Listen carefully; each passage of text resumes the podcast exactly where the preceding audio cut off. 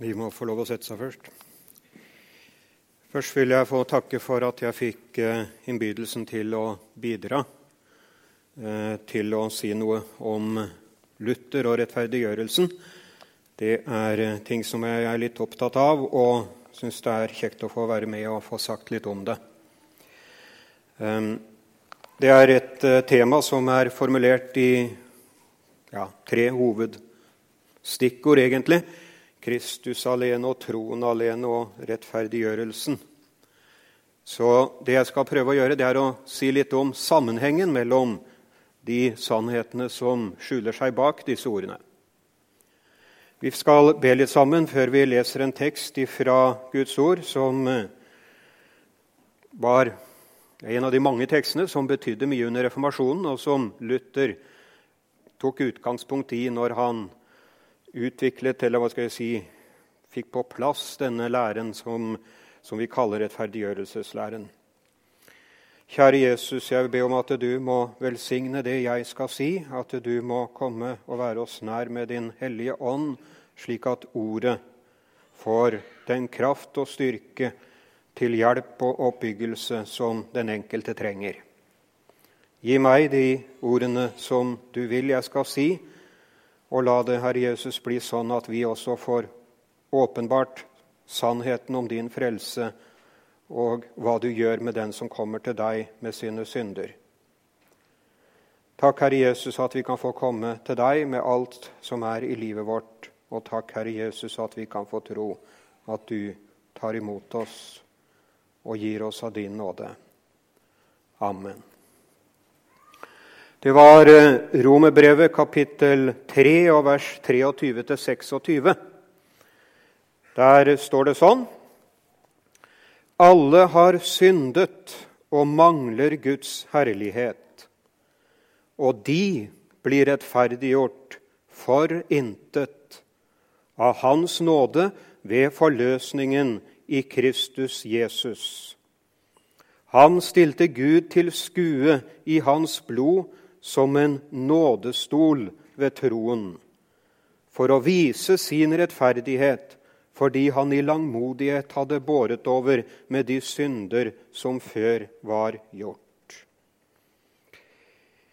Den som har lest litt om Luther og reformasjonen, de vet at eh, Luther gjennomgikk en ganske hva skal vi si, eh, stor eller personlig kamp før han eh, kom til klarhet i hva Bibelen lærer om hvordan et menneske blir frelst.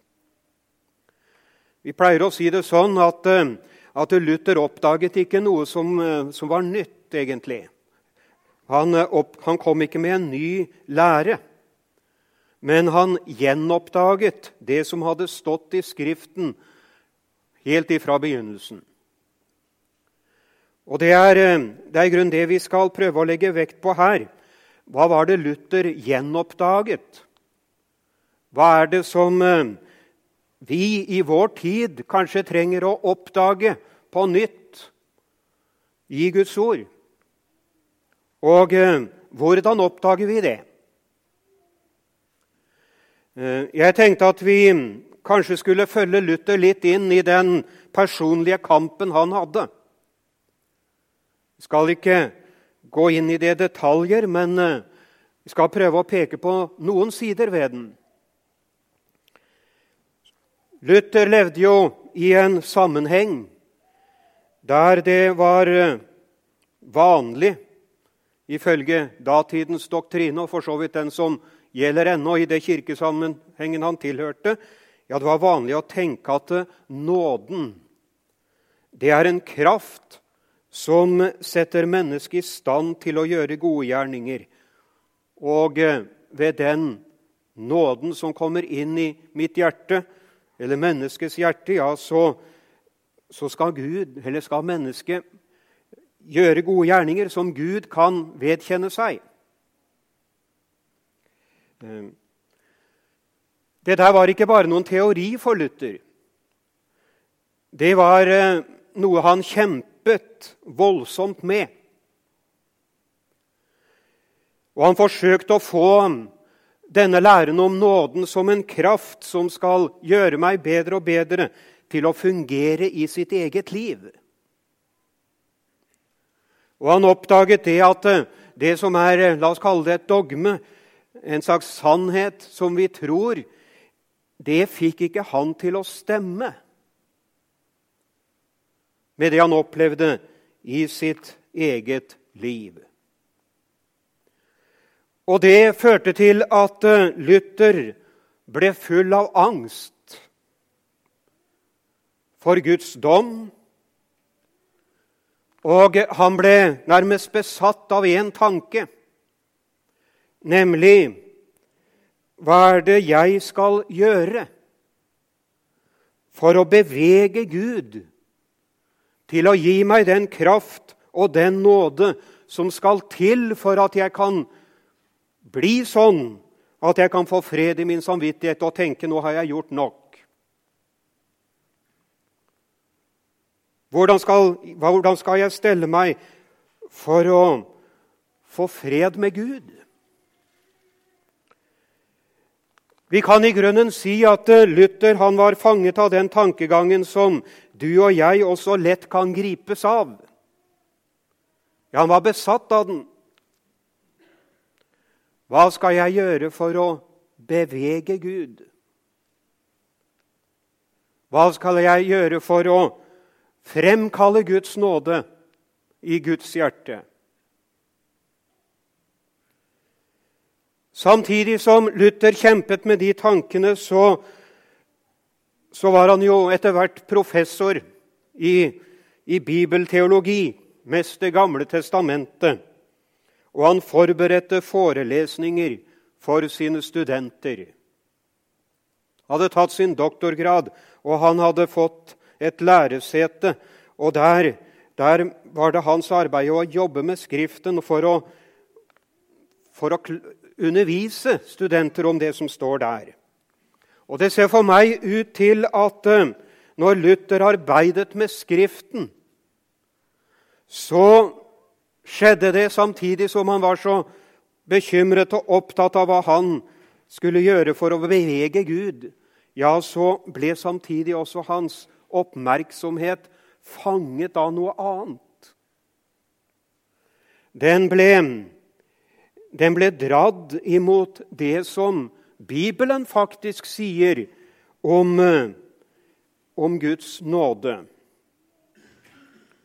Ja, etter hvert så blir det liksom to motiver eller måter å tenke på som står i motsetning til hverandre, nærmest. Det, det er det som preger Luther og hans tenkning. For han oppdager etter hvert at Gud gir nåde for Jesus skyld.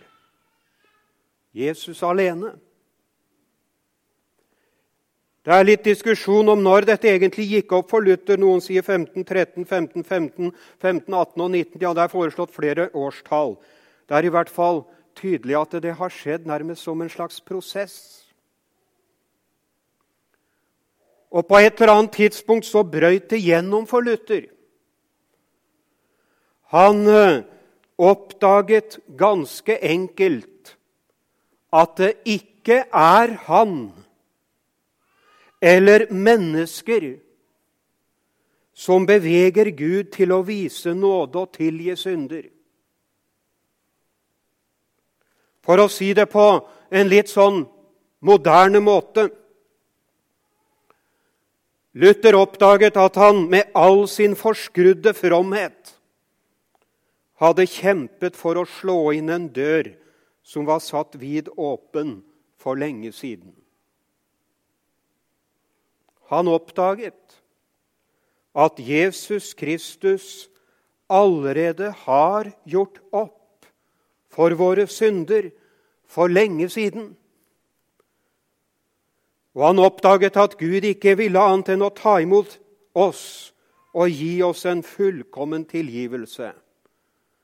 Det han oppdaget med det, det sto i grunnen i sterk kontrast til den katolske læren slik som den utformes både i vår tid og den gang. For der er faktisk tankegangen at det er vi som skal bevege Gud. Avlatstenkningen går nettopp ut på det. Men Luther oppdaget noe annet. Det er én som har gått foran oss og tatt vår plass. Og gjort alt det som Gud krever, og som et menneske skulle og burde ha gjort for å ja, for å gjøre opp for sine synder i forhold til Gud. Det er en som har gjort det før oss, og har gjort det fullkomment. Det er Jesus. Og med det at Luther hadde oppdaget det, så, så var egentlig grunnlaget for det vi kaller for rettferdiggjørelseslæren, lagt. Og Jeg er litt opptatt av det at denne læren om rettferdiggjørelse den kan vi ikke forstå uten at vi ser den sammen med læren om det vi kaller forsoningen. Det er helt tydelig at det er det som bryter frem under reformasjonen. Det er en helt uløselig sammenheng mellom alt det Jesus gjorde på korset ved sin død og oppstandelse, og den gaven Gud gir oss, slik at vi kan kalle oss Guds barn.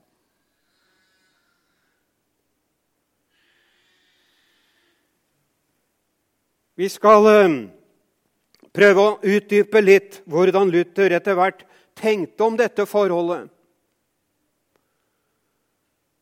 Og eh, da skal vi nettopp bevege oss til den teksten fra romerbrevet som jeg leste innledningsvis.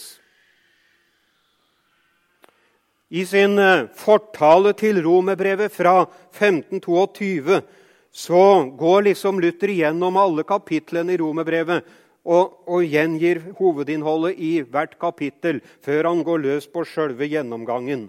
Og i denne innledningen ja, så kommer han selvfølgelig også til kapittel tre. Og eh, der griper han fatt i, i den teksten som vi leste innledningsvis. Og så eh, forklarer han forholdet mellom Jesu død på den ene side og syndsforlatelse og rettferdiggjørelse på den andre side.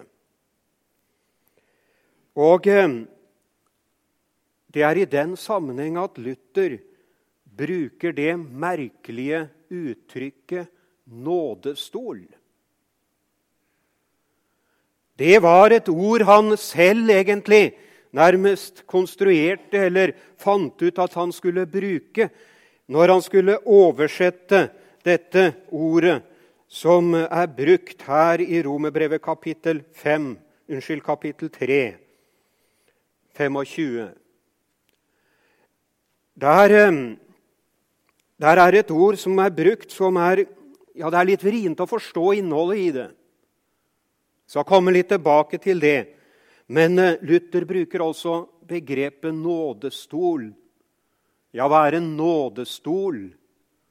Det er på en måte det stedet der hvor, eh, hvor Gud kan møte oss mennesker og gi denne nåden. Som han så gjerne vil at vi skal få. Jeg skal sitere fra Luther. Han, altså apostelen Paulus, skriver han, lærer at vi alle er syndere og ikke har noe å rose oss av for Gud, men at vi blir rettferdiggjort ved troen på Kristus uten noen fortjeneste.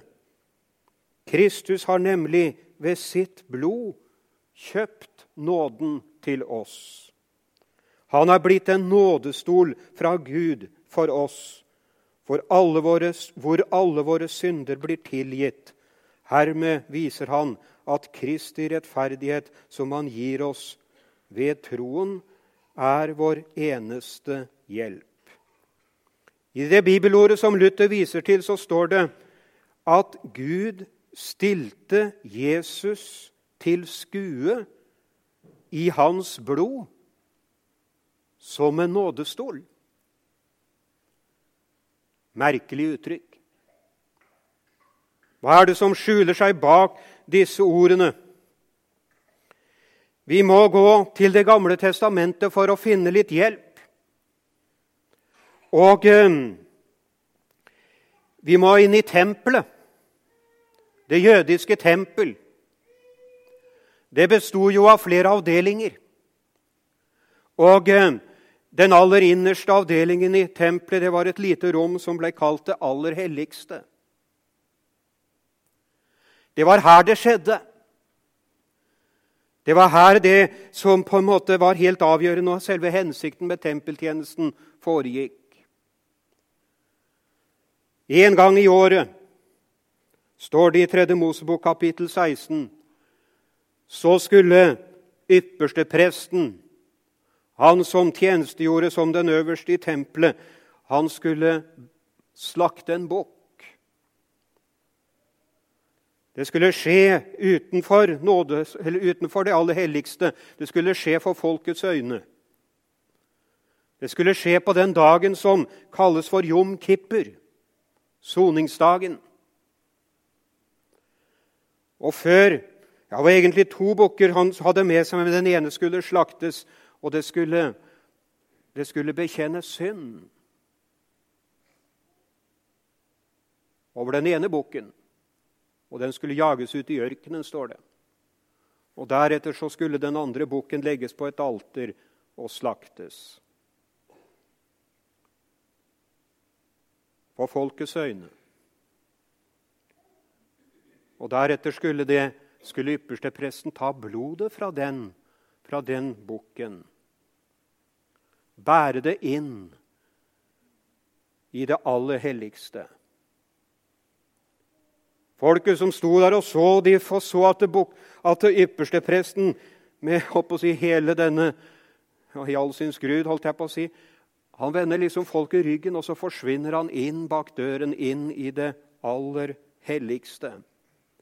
Og Der går han inn, og der er det en kiste som står i det innerste rommet. Den blir kalt for paktens ark. Dekt med gull. Omtrent så stor Inni den så lå de ti bud. De blei kalt anklageskriftene. Og over kisten var det et lokk av rent gull. Når ypperstepresten gikk inn, så ble blodet fra den slaktede bukken malt ut over gullokket. Og så kom blodet mellom Gud, som tronet over hele denne innretningen. Blodet kom mellom Gud og anklageskriftene, og skjulte anklageskriftene. Kefær, det ordet vi oversetter med å sone, betyr jo å dekke over. Alt det der, det skjønner vi, det peker frem mot det Jesus skulle gjøre. I Hebrevbrevet kapittel 9 så leser vi at, eh, at, Jesus gikk inn i et tempel, eller et telt, står det der, men det sikter til tempelet. Ja, han gikk inn i et tempel som ikke er gjort med hender, men som er, er i Guds himmel. Og der bar han seg selv frem som et offer og fant en evig forløsning, står det. Når det i Romerbrevet 3 står at Gud stilte Jesus til skue i hans blod som en nådestol ved troen, så siktes det nettopp til det. For det er faktisk det ordet som brukes, som jeg var inne på, dette lokket på paktskisten. Det er det Luther kaller for nådestolen. Nådestolen ja, der er Jesus. Det er han som har stilt seg frem for Gud og gått inn foran oss og betalt og gjort opp for all verdens synd. Ja, det var dette med forsoningens rekkevidde som også på en måte ble klart med reformasjonen. All verdens synd er sonet. Og nåden skal ikke deles ut i små porsjoner, litt etter litt, ettersom folk gjør bot. Men når du kommer frem for nådestolen, ja, så, så får du alt. Da blir du ikledd Jesu rettferdighet, og du blir frikjent fra alle dine synder. Se her, her er Han som har betalt og gjort opp for deg for lenge siden. Nå får du det du ikke har fortjent. Luther talte om det salige byttet. Det er jo også et ganske merkelig uttrykk. Men det, det går ganske enkelt på det at den gangen Jesus, Guds evige sønn, ble hengt opp som et slakt mellom himmel og jord, ja, så var det fordi han hadde fått ansvaret for dine synder. Ja, sånn er Gud. Og så vil Gud møte deg på ett sted, nådestolen. Og der vil han ikle deg alt det Jesus er, den fullkomne rettferdighet som gir deg verdigheten til å kalle deg Guds barn. Hva er det du styrer og strever med? Du som tenker at 'jeg må bevege Gud til å på en måte bli glad i meg. Jeg kan si deg at Gud har elsket deg fra evighet av. Hvem du enn er. Og det var den kjærligheten som drev Gud til å ofre seg selv for deg.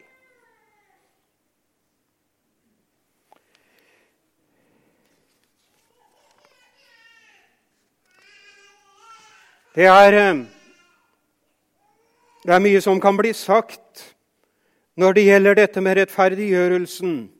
Jeg har bare så vidt antydet det nå, men det handler ganske enkelt om at Gud gir meg Jesus og hans rettferdighet og lar den telle for meg.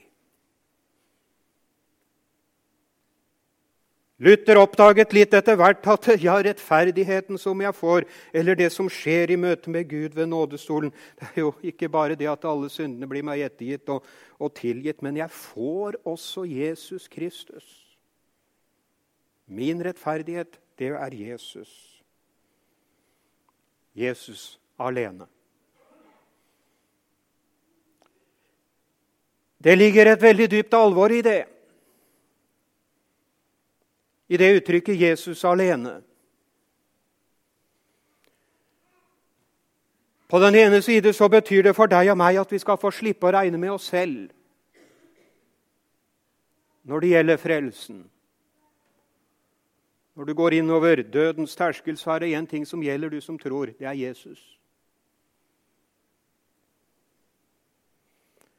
Men uttrykket 'Jesus alene' innebærer også at det er ingen frelse tilgjengelig for mennesker utenom ham.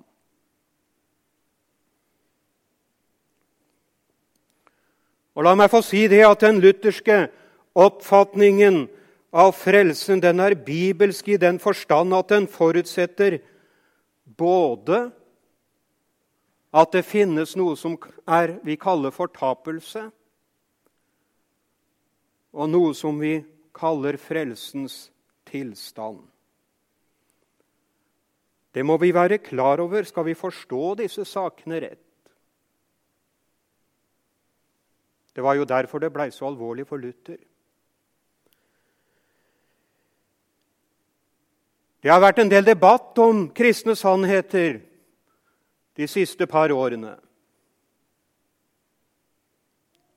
For ca. en måned siden så leste jeg en artikkel i et veldig kjent teologisk tidsskrift, som leses av mange. Der skriver en fremragende ung teolog at Jesu død har ingen frelsende betydning. Det der er et ekko av en debatt som har gått verden over helt siden ca. 2003. Den kalles forsoningsdebatten. Og her er, det, her er det sånn at det er noen som ikke vil akseptere den sannheten at det er Jesus alene, at Gud gav sin sønn for våre synder. De syns det er helt uakseptabelt og bruker veldig sterke ord for å kritisere det.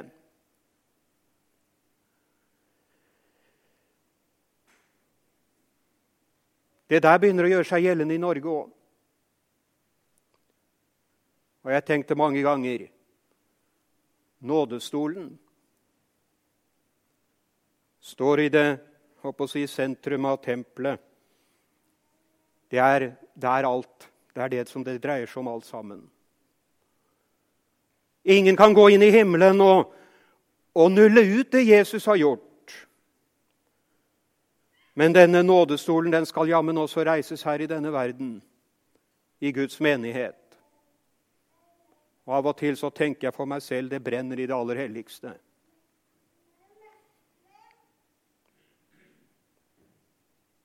Vi hørte barna sang her. Vet du hvem som døde for meg? Jo, det var Jesus Kristus. Skal vi, få, skal vi ikke ta vare på det? Og vokte om de sannhetene? Jo, det må vi. For det er ikke frelse i noen annen enn Jesus. Det har også vært en debatt som jeg nevnte om fortapelsen og frelsen. og Jeg husker jeg leste et av de innleggene som kom i den debatten. Da var det spørsmålet om ja, én sa det sånn, nå kan vi avlyse fortapelsen. Så kom to andre og skrev at ja, nei, vi må, vi må regne med at et menneske kan forspille sitt liv. Jeg leste det stykket mange ganger der hvor man egentlig åpnet opp for to utganger av livet, men jeg fant ikke et ord om Jesus der. Og Jeg husker jeg skrev en liten epistel selv og stilte spørsmålet Ja, det skrives her at, eh, at et menneske kan forspille sitt liv. Men hva betyr Jesus for himmel eller fortapelse?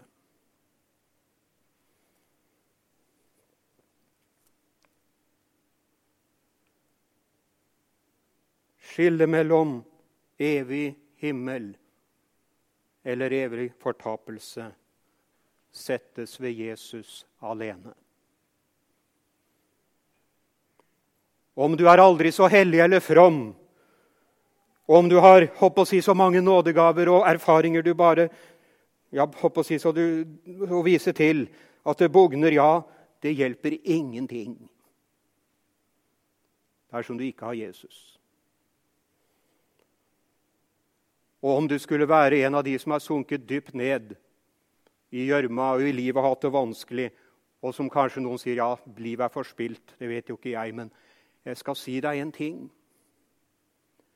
Det var sånne mennesker som fikk den etiketten på seg. De, var, de hadde forspilt sine liv. Det var sånne mange av dem som kom til Jesus. Jeg er ikke kommet for å kalle rettferdige, sa Jesus, men syndere. Og tenk, Det var ofte dem som oppdaga hvem Jesus var, og som tok ham til sitt hjerte. Og så kom de, og så fikk, tok Jesus imot dem, og så reiste han dem opp. Det er gjort opp for all verdens synd. Og himmelens dør står åpen for den største synder. Jesus har gått foran og betalt og gjort opp, og Gud står der med åpne armer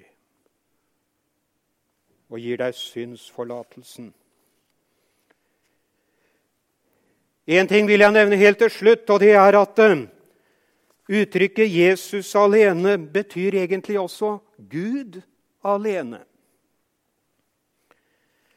I uh, forklaringen til uh, andre trosartikkel så skriver Luther noe som ja, Det er noen ord der i den, i, den for, i den, forklaringen som jeg ikke tror vi legger merke til bestandig, men han skriver følgende Jeg tror at Jesus Kristus er sann Gud, født av Faderen fra evighet og sant menneske, født av jomfru Maria. Han er min Herre som har gjenløst meg, fortapte og fordømte menneske, kjøpt meg fri og frelst meg fra alle synder, fra døden og djevelens makt. Ikke med gull eller sølv, men med sitt hellige, dyre blod og sin uskyldige lidelse og død. Mye av den kritikken som rettes imot forsoningen, ser ut til å overse hvem Jesus er. Det er ikke en skapning, et fremragende menneske bare som dør på korset. Jeg tror at Jesus Kristus er sann Gud. Født av Faderen fra evighet av og sant menneske. Skal vi forstå hva forsoningen og frelsen er, så må vi rett og slett se det i lys av det vi kaller treenighetslæren. Gud er én og tre. Og alt det som en av personene i Gud gjør eller blir gjenstand for eller utsettes for, ja, det det er hele guddommen med i.